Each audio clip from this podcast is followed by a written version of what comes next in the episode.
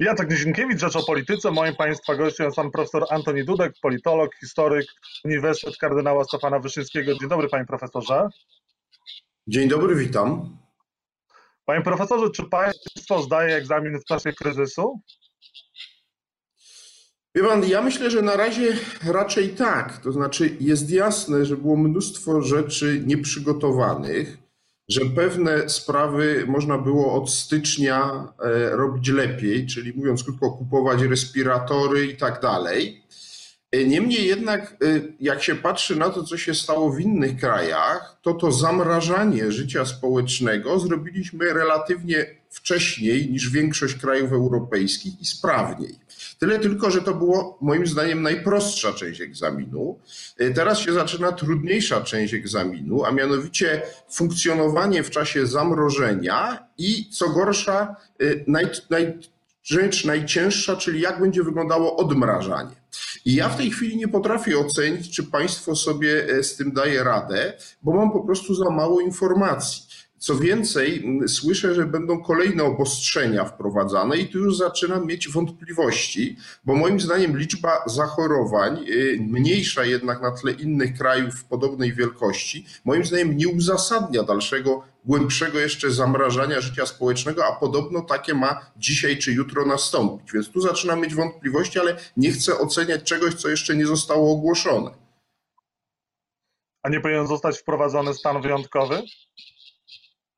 Ja uważam, i to mówię od miesiąca, że powinien zostać wprowadzony stan klęski żywiołowej, ponieważ on jest najbardziej adekwatny do tego, y, y, z czym mamy do czynienia. Różnice oczywiście polegają na tym, że ten stan klęski żywiołowej można wprowadzić tylko na 30 dni, stan wyjątkowy na dłużej. I tu się wiąże to oczywiście ze sprawą przesunięcia daty y, wyborów prezydenckich. Wprowadzenie każdego ze stanów nadzwyczajnych zgodnie z konstytucją skutkuje przesunięciem wyborów o 90 dni. Więc opozycja chce stanu wyjątkowego, bo to od razu przesuwa wybory na jesień. Stan klęski żywiołowej nie czyni tego tak jednoznacznie, ale de facto też przesuwa wybory co najmniej na jesień. Natomiast ja uważam, że po wprowadzeniu stanu klęski żywiołowej powinny zostać przeprowadzone negocjacje między opozycją a rządem na temat zmiany konstytucji tak żeby natychmiast po jego zakończeniu, czyli po tych 30 dniach, można było zmienić konstytucję tak, żeby przenieść wybory prezydenckie na termin,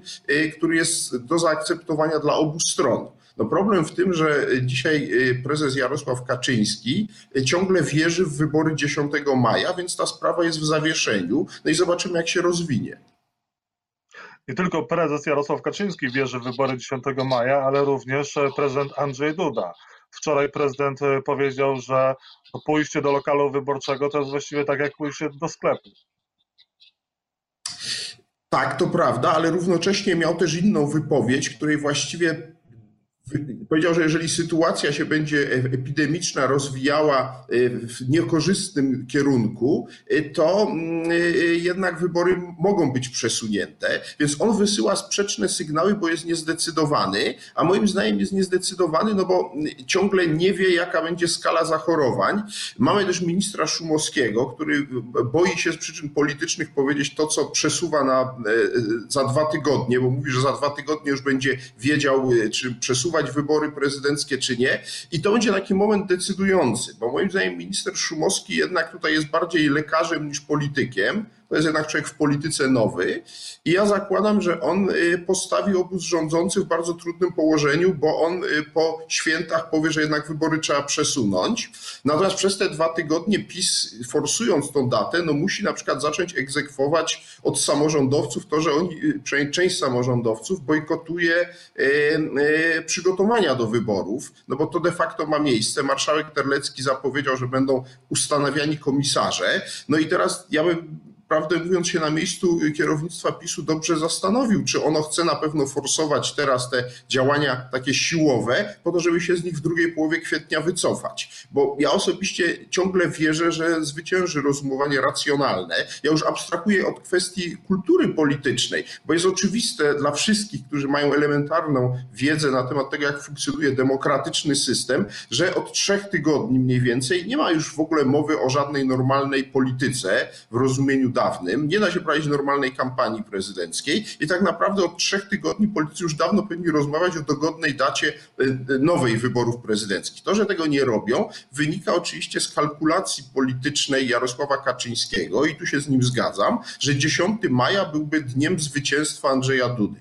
E, natomiast każdy późniejszy termin, im będzie późniejszy, tym będzie bardziej oznaczony no, znakiem zapytania.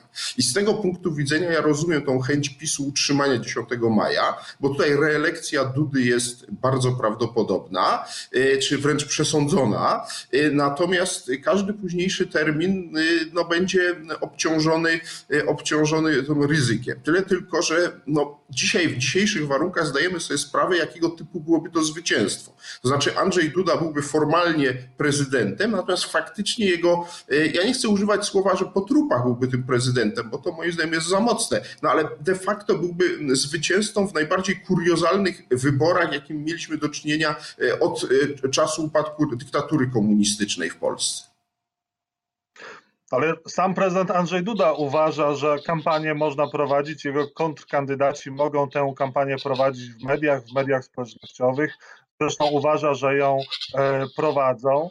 No i czy tutaj sam prezydent nie powinien wystąpić z inicjatywą, żeby te wybory zostały przeniesione? Głowa państwa. Znaczy, ja oczywiście uważam, że tak, że prezydent powinien w ogóle zacząć negocjacje na temat zmiany konstytucji i przedstawić projekt. To byłoby związane oczywiście z przesunięciem daty wyborów, o czym przed chwilą mówiłem. Natomiast chcę powiedzieć tak, że ja się w jednym z prezydentem Dudą zgadzam. No oczywiście można prowadzić kampanię w mediach społecznościowych, e, czy szerzej w internecie i niektórzy to próbują robić. Tyle tylko, że to jest e, e, tylko namiastka tego, co było dotąd istotą kampanii prezydenckich po wyborach powszechnych od roku 90, czyli bezpośrednie spotkania kandydatów z obywatelami. To była istota i sens tej kampanii i to zostało całkowicie przekreślone. To po pierwsze. No a po drugie mamy problem ten techniczny wyborów, a mianowicie o problem około 300 tysięcy ludzi, którzy muszą pracować w tych komisjach wyborczych, którzy muszą się zacząć spotykać, których trzeba szkolić. No i to jest to, że tak powiem, ogromna ilość tak zwanych kontaktów, które y, zarazem dzisiaj trzeba ich unikać, żeby się nie zarazić, tak? Czyli mamy do czynienia w istocie rzeczy z, z tym, że państwo jedną ręką y, zaostrza, bo słyszymy, że będą zaostrzane jeszcze te rygory y, wymagające samoizolacji, a drugą nakazuje samorządowcom, żeby się przestawali izolować zaczynali spotykać e, i jakoś to organizować, no bo wiemy, że nie da się wszystkiego przez internet zrobić. Znaczy, owszem, pewne rzeczy można, natomiast nie chce mi się wierzyć, że da się przygotować kampanię tak przez internet, żeby 10 maja przyjść i nagle, prawda, yy, otworzyć punkty wyborcze. No wiemy doskonale, że to jest technicznie niemożliwe. Więc tu element kontaktu międzyludzkiego na wielką skalę jest niezbędny i moim zdaniem to jest po prostu dzisiaj y, surrealistyczne, czy schizofreniczne raczej. Yy, właśnie to z jednej strony mówienie o unikaniu kontaktów, a z drugiej strony nakazywanie organizowania wyborów tysiącom ludzi. Prawdopodobnie rządzący w końcu się wycofają z tej daty 10 maja. I czy oni wtedy na tym zyskają politycznie, czy stracą? Prawo i Sprawiedliwość zyska, czy straci na wycofaniu się z terminów wyborów? Możliwe, że to nawet sam prezydent ogłosi, czy też e, zapowie zmianę tych wyborów. Jaki będzie odbiór społeczny, jak to się przekuje na polityczne e, zaufanie i na sondaże? No, moim zdaniem wszystko zależy od tego, kiedy to zrobi. Jeżeli to zrobi, yy, powiedział, w okolicach świąt wielkanocnych, czy zaraz po nich, to, bo to jest taka psychologiczna granica dzisiaj ustawiona przez rządzących, przez premiera Morawieckiego dla ludzi, że po świętach się dowiemy, jak będziemy inaczej funkcjonować, w domyśle odmrażać życie społeczne. Jeżeli wtedy nastąpi taka reakcja, słuchajcie, odmrażamy pewne rzeczy, ale z wyborów się wycofujemy, bo to jest za duża rzecz, to myślę, że e, Prawo i Sprawiedliwość nie straci. Natomiast jeżeli e, będzie dalej forsowało, no to w tym czasie będziemy mieli już tych powoływanych komisarzy, będą usuwani samorządowcy i to w istocie rzeczy jest forma pełzającego wprowadzania dyktatury w Polsce, bo likwidacja samorządu, bez względu na to, jak to wicemarszałek Terlecki sobie będzie nazywał, to będzie ustanawianie dyktatury i on doskonale wie, jak wyglądało, bo sam napisał książkę o wydarzeniach w drugiej połowie lat 40. w Polsce. I tutaj analogia oczywiście jest częściowa tylko, no bo nie ma Armii Czerwonej na, na, na, na terytorium Polski, która będzie to pomagała, ale niewątpliwie zrobić. Natomiast niewątpliwie wprowadzanie pod pretekstem, prawda, konieczności przeprowadzenia wyborów komisarzy w miejsce prezydentów czy wójtów jest formą wprowadzania rządów autorytarnych w Polsce. Jeżeli PiS pójdzie w tym kierunku, to jestem przekonany, że w dłuższej perspektywie straci, dlatego że w Polsce jednak nie chcą w Polsce dyktatury, e, chcą rządów demokratycznych, sprawnych, e, ale takich, na których wyłanianie i oceny mają wpływ. No w dyktaturze, jak wiemy, rządy bywają sprawne, ale obywatele nie mają wpływu na to, kto nimi rządzi. Panie profesorze, a kiedy najlepiej byłoby, gdyby te wybory się odbyły? Najlepiej dla Polaków, nie pytam o polityków. Najbezpieczniej. Ja, ja uważam, że perspektywa roku jest rozsądna, bo ja zakładam, że rzeczywiście jesienią możemy mieć kolejną falę e, zachorowań. Zakładam, że jesteśmy w stanie sytuację opanować w taki sposób, żeby było możliwe prowadzenie całkowicie normalnej kampanii dopiero za rok. Przy czym, żeby była jasność, być może ta całkowicie normalna kampania będzie już wyglądała tak, że część uczestników będzie w maseczkach czy w czymś innym. Być może w ogóle już nie wrócimy do takiego, powiedziałbym, kontaktu z uściskami dłoni, że może dalej będą te spotkania, ale już bez ściskania tysięcy dłoni na przykład, prawda? No niemniej jednak ja zakładam, że za rok e, w ten czy w innej formule, czy dzięki wynalezieniu szczepionki, e, czy dzięki znalezieniu jakiegoś innego sposobu na funkcjonowanie, to będzie możliwe. Moim zdaniem krótsza perspektywa jest ryzykowna. Rok natomiast oczywiście oznacza, że kadencja prezydenta Dudy będzie przedłużona o prawie rok, no bo ona się kończy w sierpniu. Gdyby wybory miały być na przykład w maju przyszłego roku, no to można oczywiście skrócić ten okres do, od wy, wy, wyborów do, do zaprzysiężenia, powiedzmy do czerwca, no ale w praktyce do mniej więcej 10 miesięcy oznaczałoby to, że kadencja prezydenta Dudy byłaby przedłużona i ja myślę, że od tego się polska demokracja nie zawali, natomiast może się zawalić od e, forsowania e, prezydentury Dudy na drugą kadencję 10 maja przy prawdopodobnie bardzo niskiej frekwencji, przy wycofaniu się części, albo nawet wszystkich poważnych konkurentów, no to będzie po prostu y, kompromitacja y, samego aktu wyborczego. I ja bym nie chciał prezydentowi Dudzie życzyć takiej drugiej kadencji, znaczy wy, wybrania y, metodą przepchania go przez prezydent, prezesa Kaczyńskiego siłami administracyjnymi przy, przy, przy likwidacji częściowo samorządu w Polsce. Także ja byłbym za tym rokiem mniej więcej, ale to jest oczywiście kwestia do uzgodnień polityków. No tutaj kluczowe jest dwóch jest z jednej strony e, prezes Kaczyński, z drugiej Borys Budka.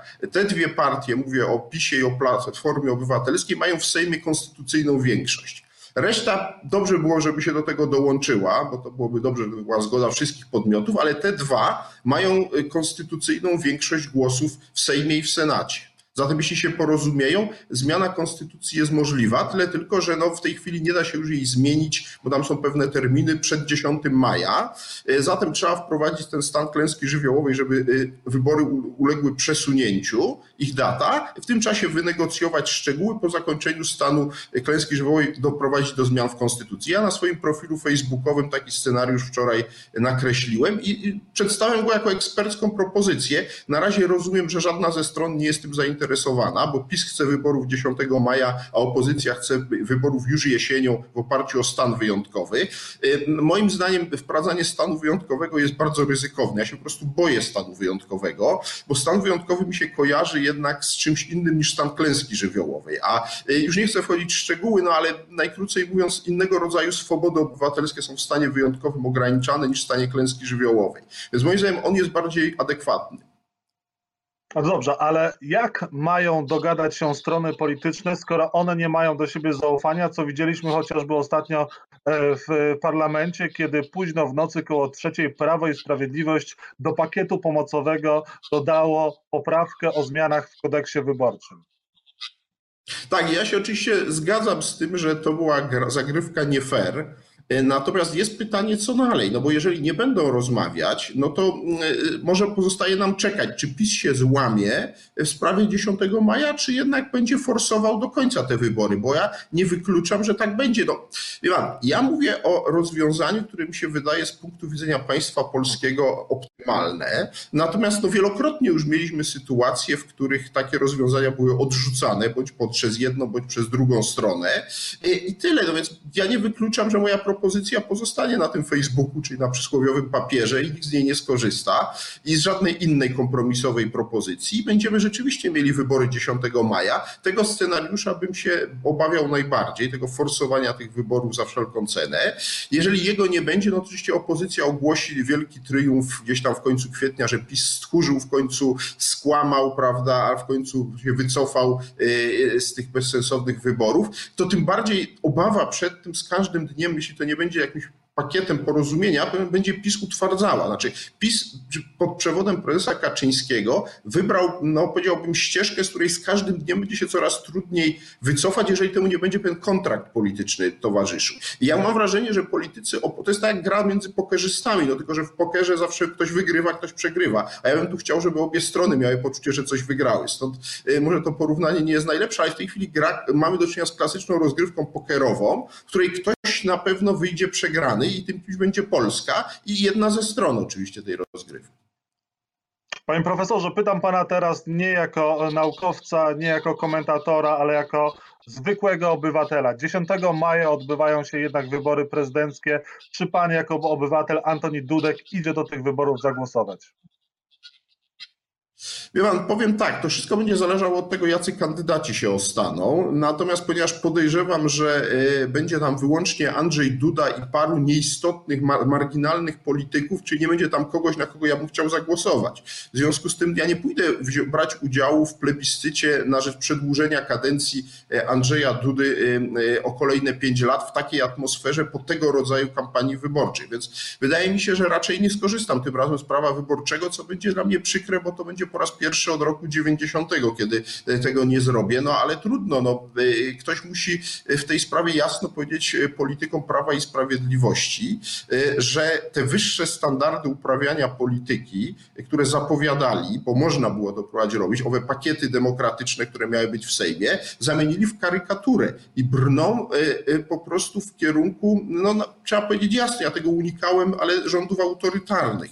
Ja przez cztery lata byłem w polemice z obozem liberalnym, z opozycji. E, mówiłem, że mówienie o dyktaturze PiSu jest zdecydowanie przerysowane, jest po prostu nieprawdziwe. Natomiast jeżeli w tej sytuacji de facto stanu wyjątkowego, który mamy, będą przeprowadzone wybory prezydenckie, to to rzeczywiście jest pierwszy poważny, znaczący krok. Dla mnie dopiero w tej chwili, nie też historię z Trybunałem czy z sądem, mnie się one też nie podobały, ale to mimo wszystko nie były rządy autorytarne. Natomiast tutaj zrobimy rzeczywiście pierwszy krok w kierunku rządów autorytarnych. Jeżeli Andrzej Duda pokona pokona 10 y, y, maja Marka Jakubiaka 90%, prawda, uzyskując poparcia, no to wiemy, co to oznacza. No pytanie, czy Polacy pójdą do tych wyborów, czy po prostu będą bali się o swoje zdrowie, bo to jest jednak ryzyko. To już nie są kwestie polityczne, ale przede wszystkim zdrowotne, bezpiecz, bezpieczeństwa i tego, czy nawet jeżeli ktoś pójdzie, to nie zarazi tych, którzy nie pójdą. Znaczy, to będzie wynikało po pierwsze rzeczywiście z tego, o czym Pan mówi, to znaczy z poczucia bezpieczeństwa. Część osób może ciągle uważać, że to jest za duże ryzyko. No a druga rzecz to jest kwestia kandydatów.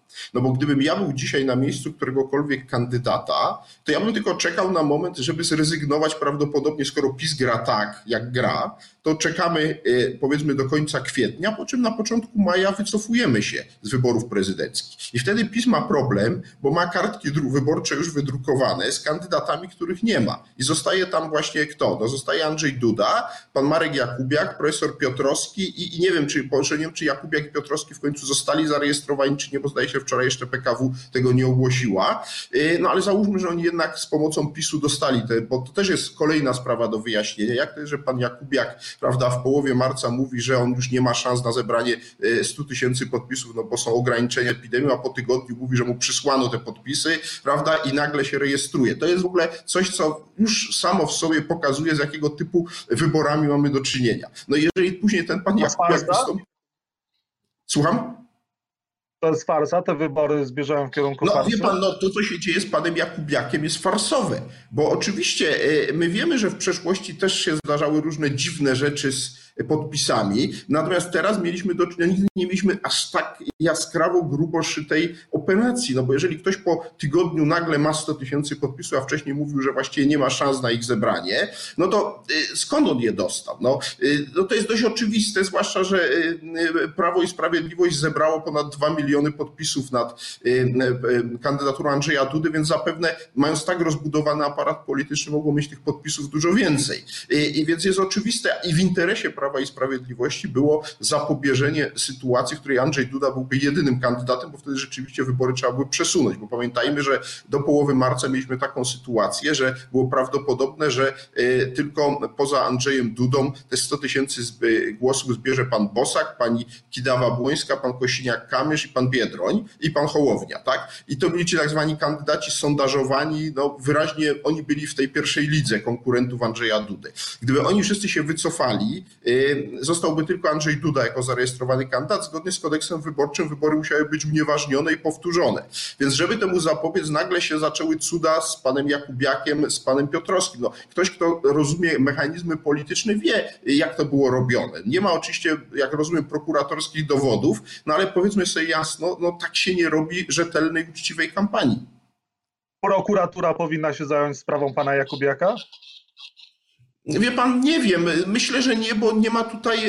To zależy od Państwowej Komisji Wyborczej. Natomiast my mamy tylko deklarację pana Jakubiaka. Moim zdaniem pan Jakubiak powie w prokuratorze, no przysłali mi moi jacyś zwolennicy, nie wiadomo skąd podpisy, to co miałem zrobić, prawda? Niech je PKW weryfikuje. Zakładam, że to są podpisy rzeczywistych, żyjących obywateli. Oczywiście prokuratura mogłaby pytać ich, czy oni się podpisali.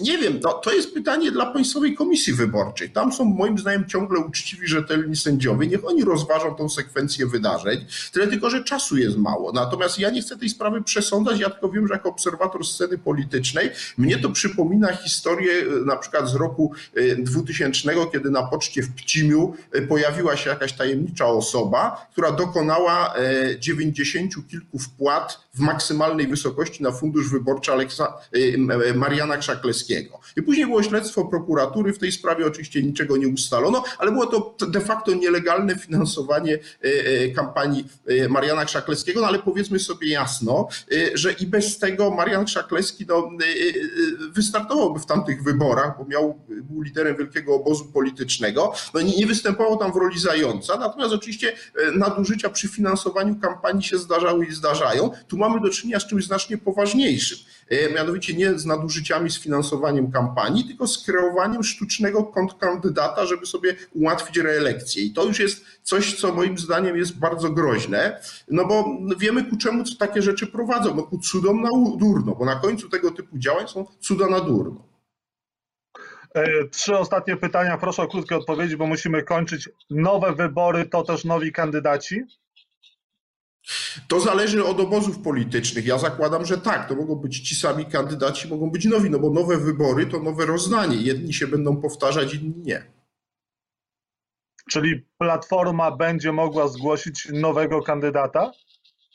Znaczy, jeżeli dojdzie do zmiany konstytucji i przesunięcia wyborów o rok, to moim zdaniem tak. Natomiast jeżeli zostanie wybrany ten pomysł ze stanem wyjątkowym i takim przesunięciem wyboru na jesień, tego czego się dzisiaj Platforma Obywatelska domaga, no to prawnie raczej będzie ciężko dokonać resetu pani Małgorzaty Kidawy-Błońskiej. Trzeba będzie chyba zostać z jej kandydaturą, bo tutaj mamy do czynienia z przesunięciem wyborów wśród kandydatów już zgłoszonych i których procedura rejestracyjna się zaczęła. Więc wszystko wszystko zależy od tego, w jaki techniczny, prawny sposób zostanie dokonana zmiana terminu wyborów prezydenckich. Ja byłbym za wyborami za rok, zatem z nowymi kandydatami, czy potencjalnie nowymi.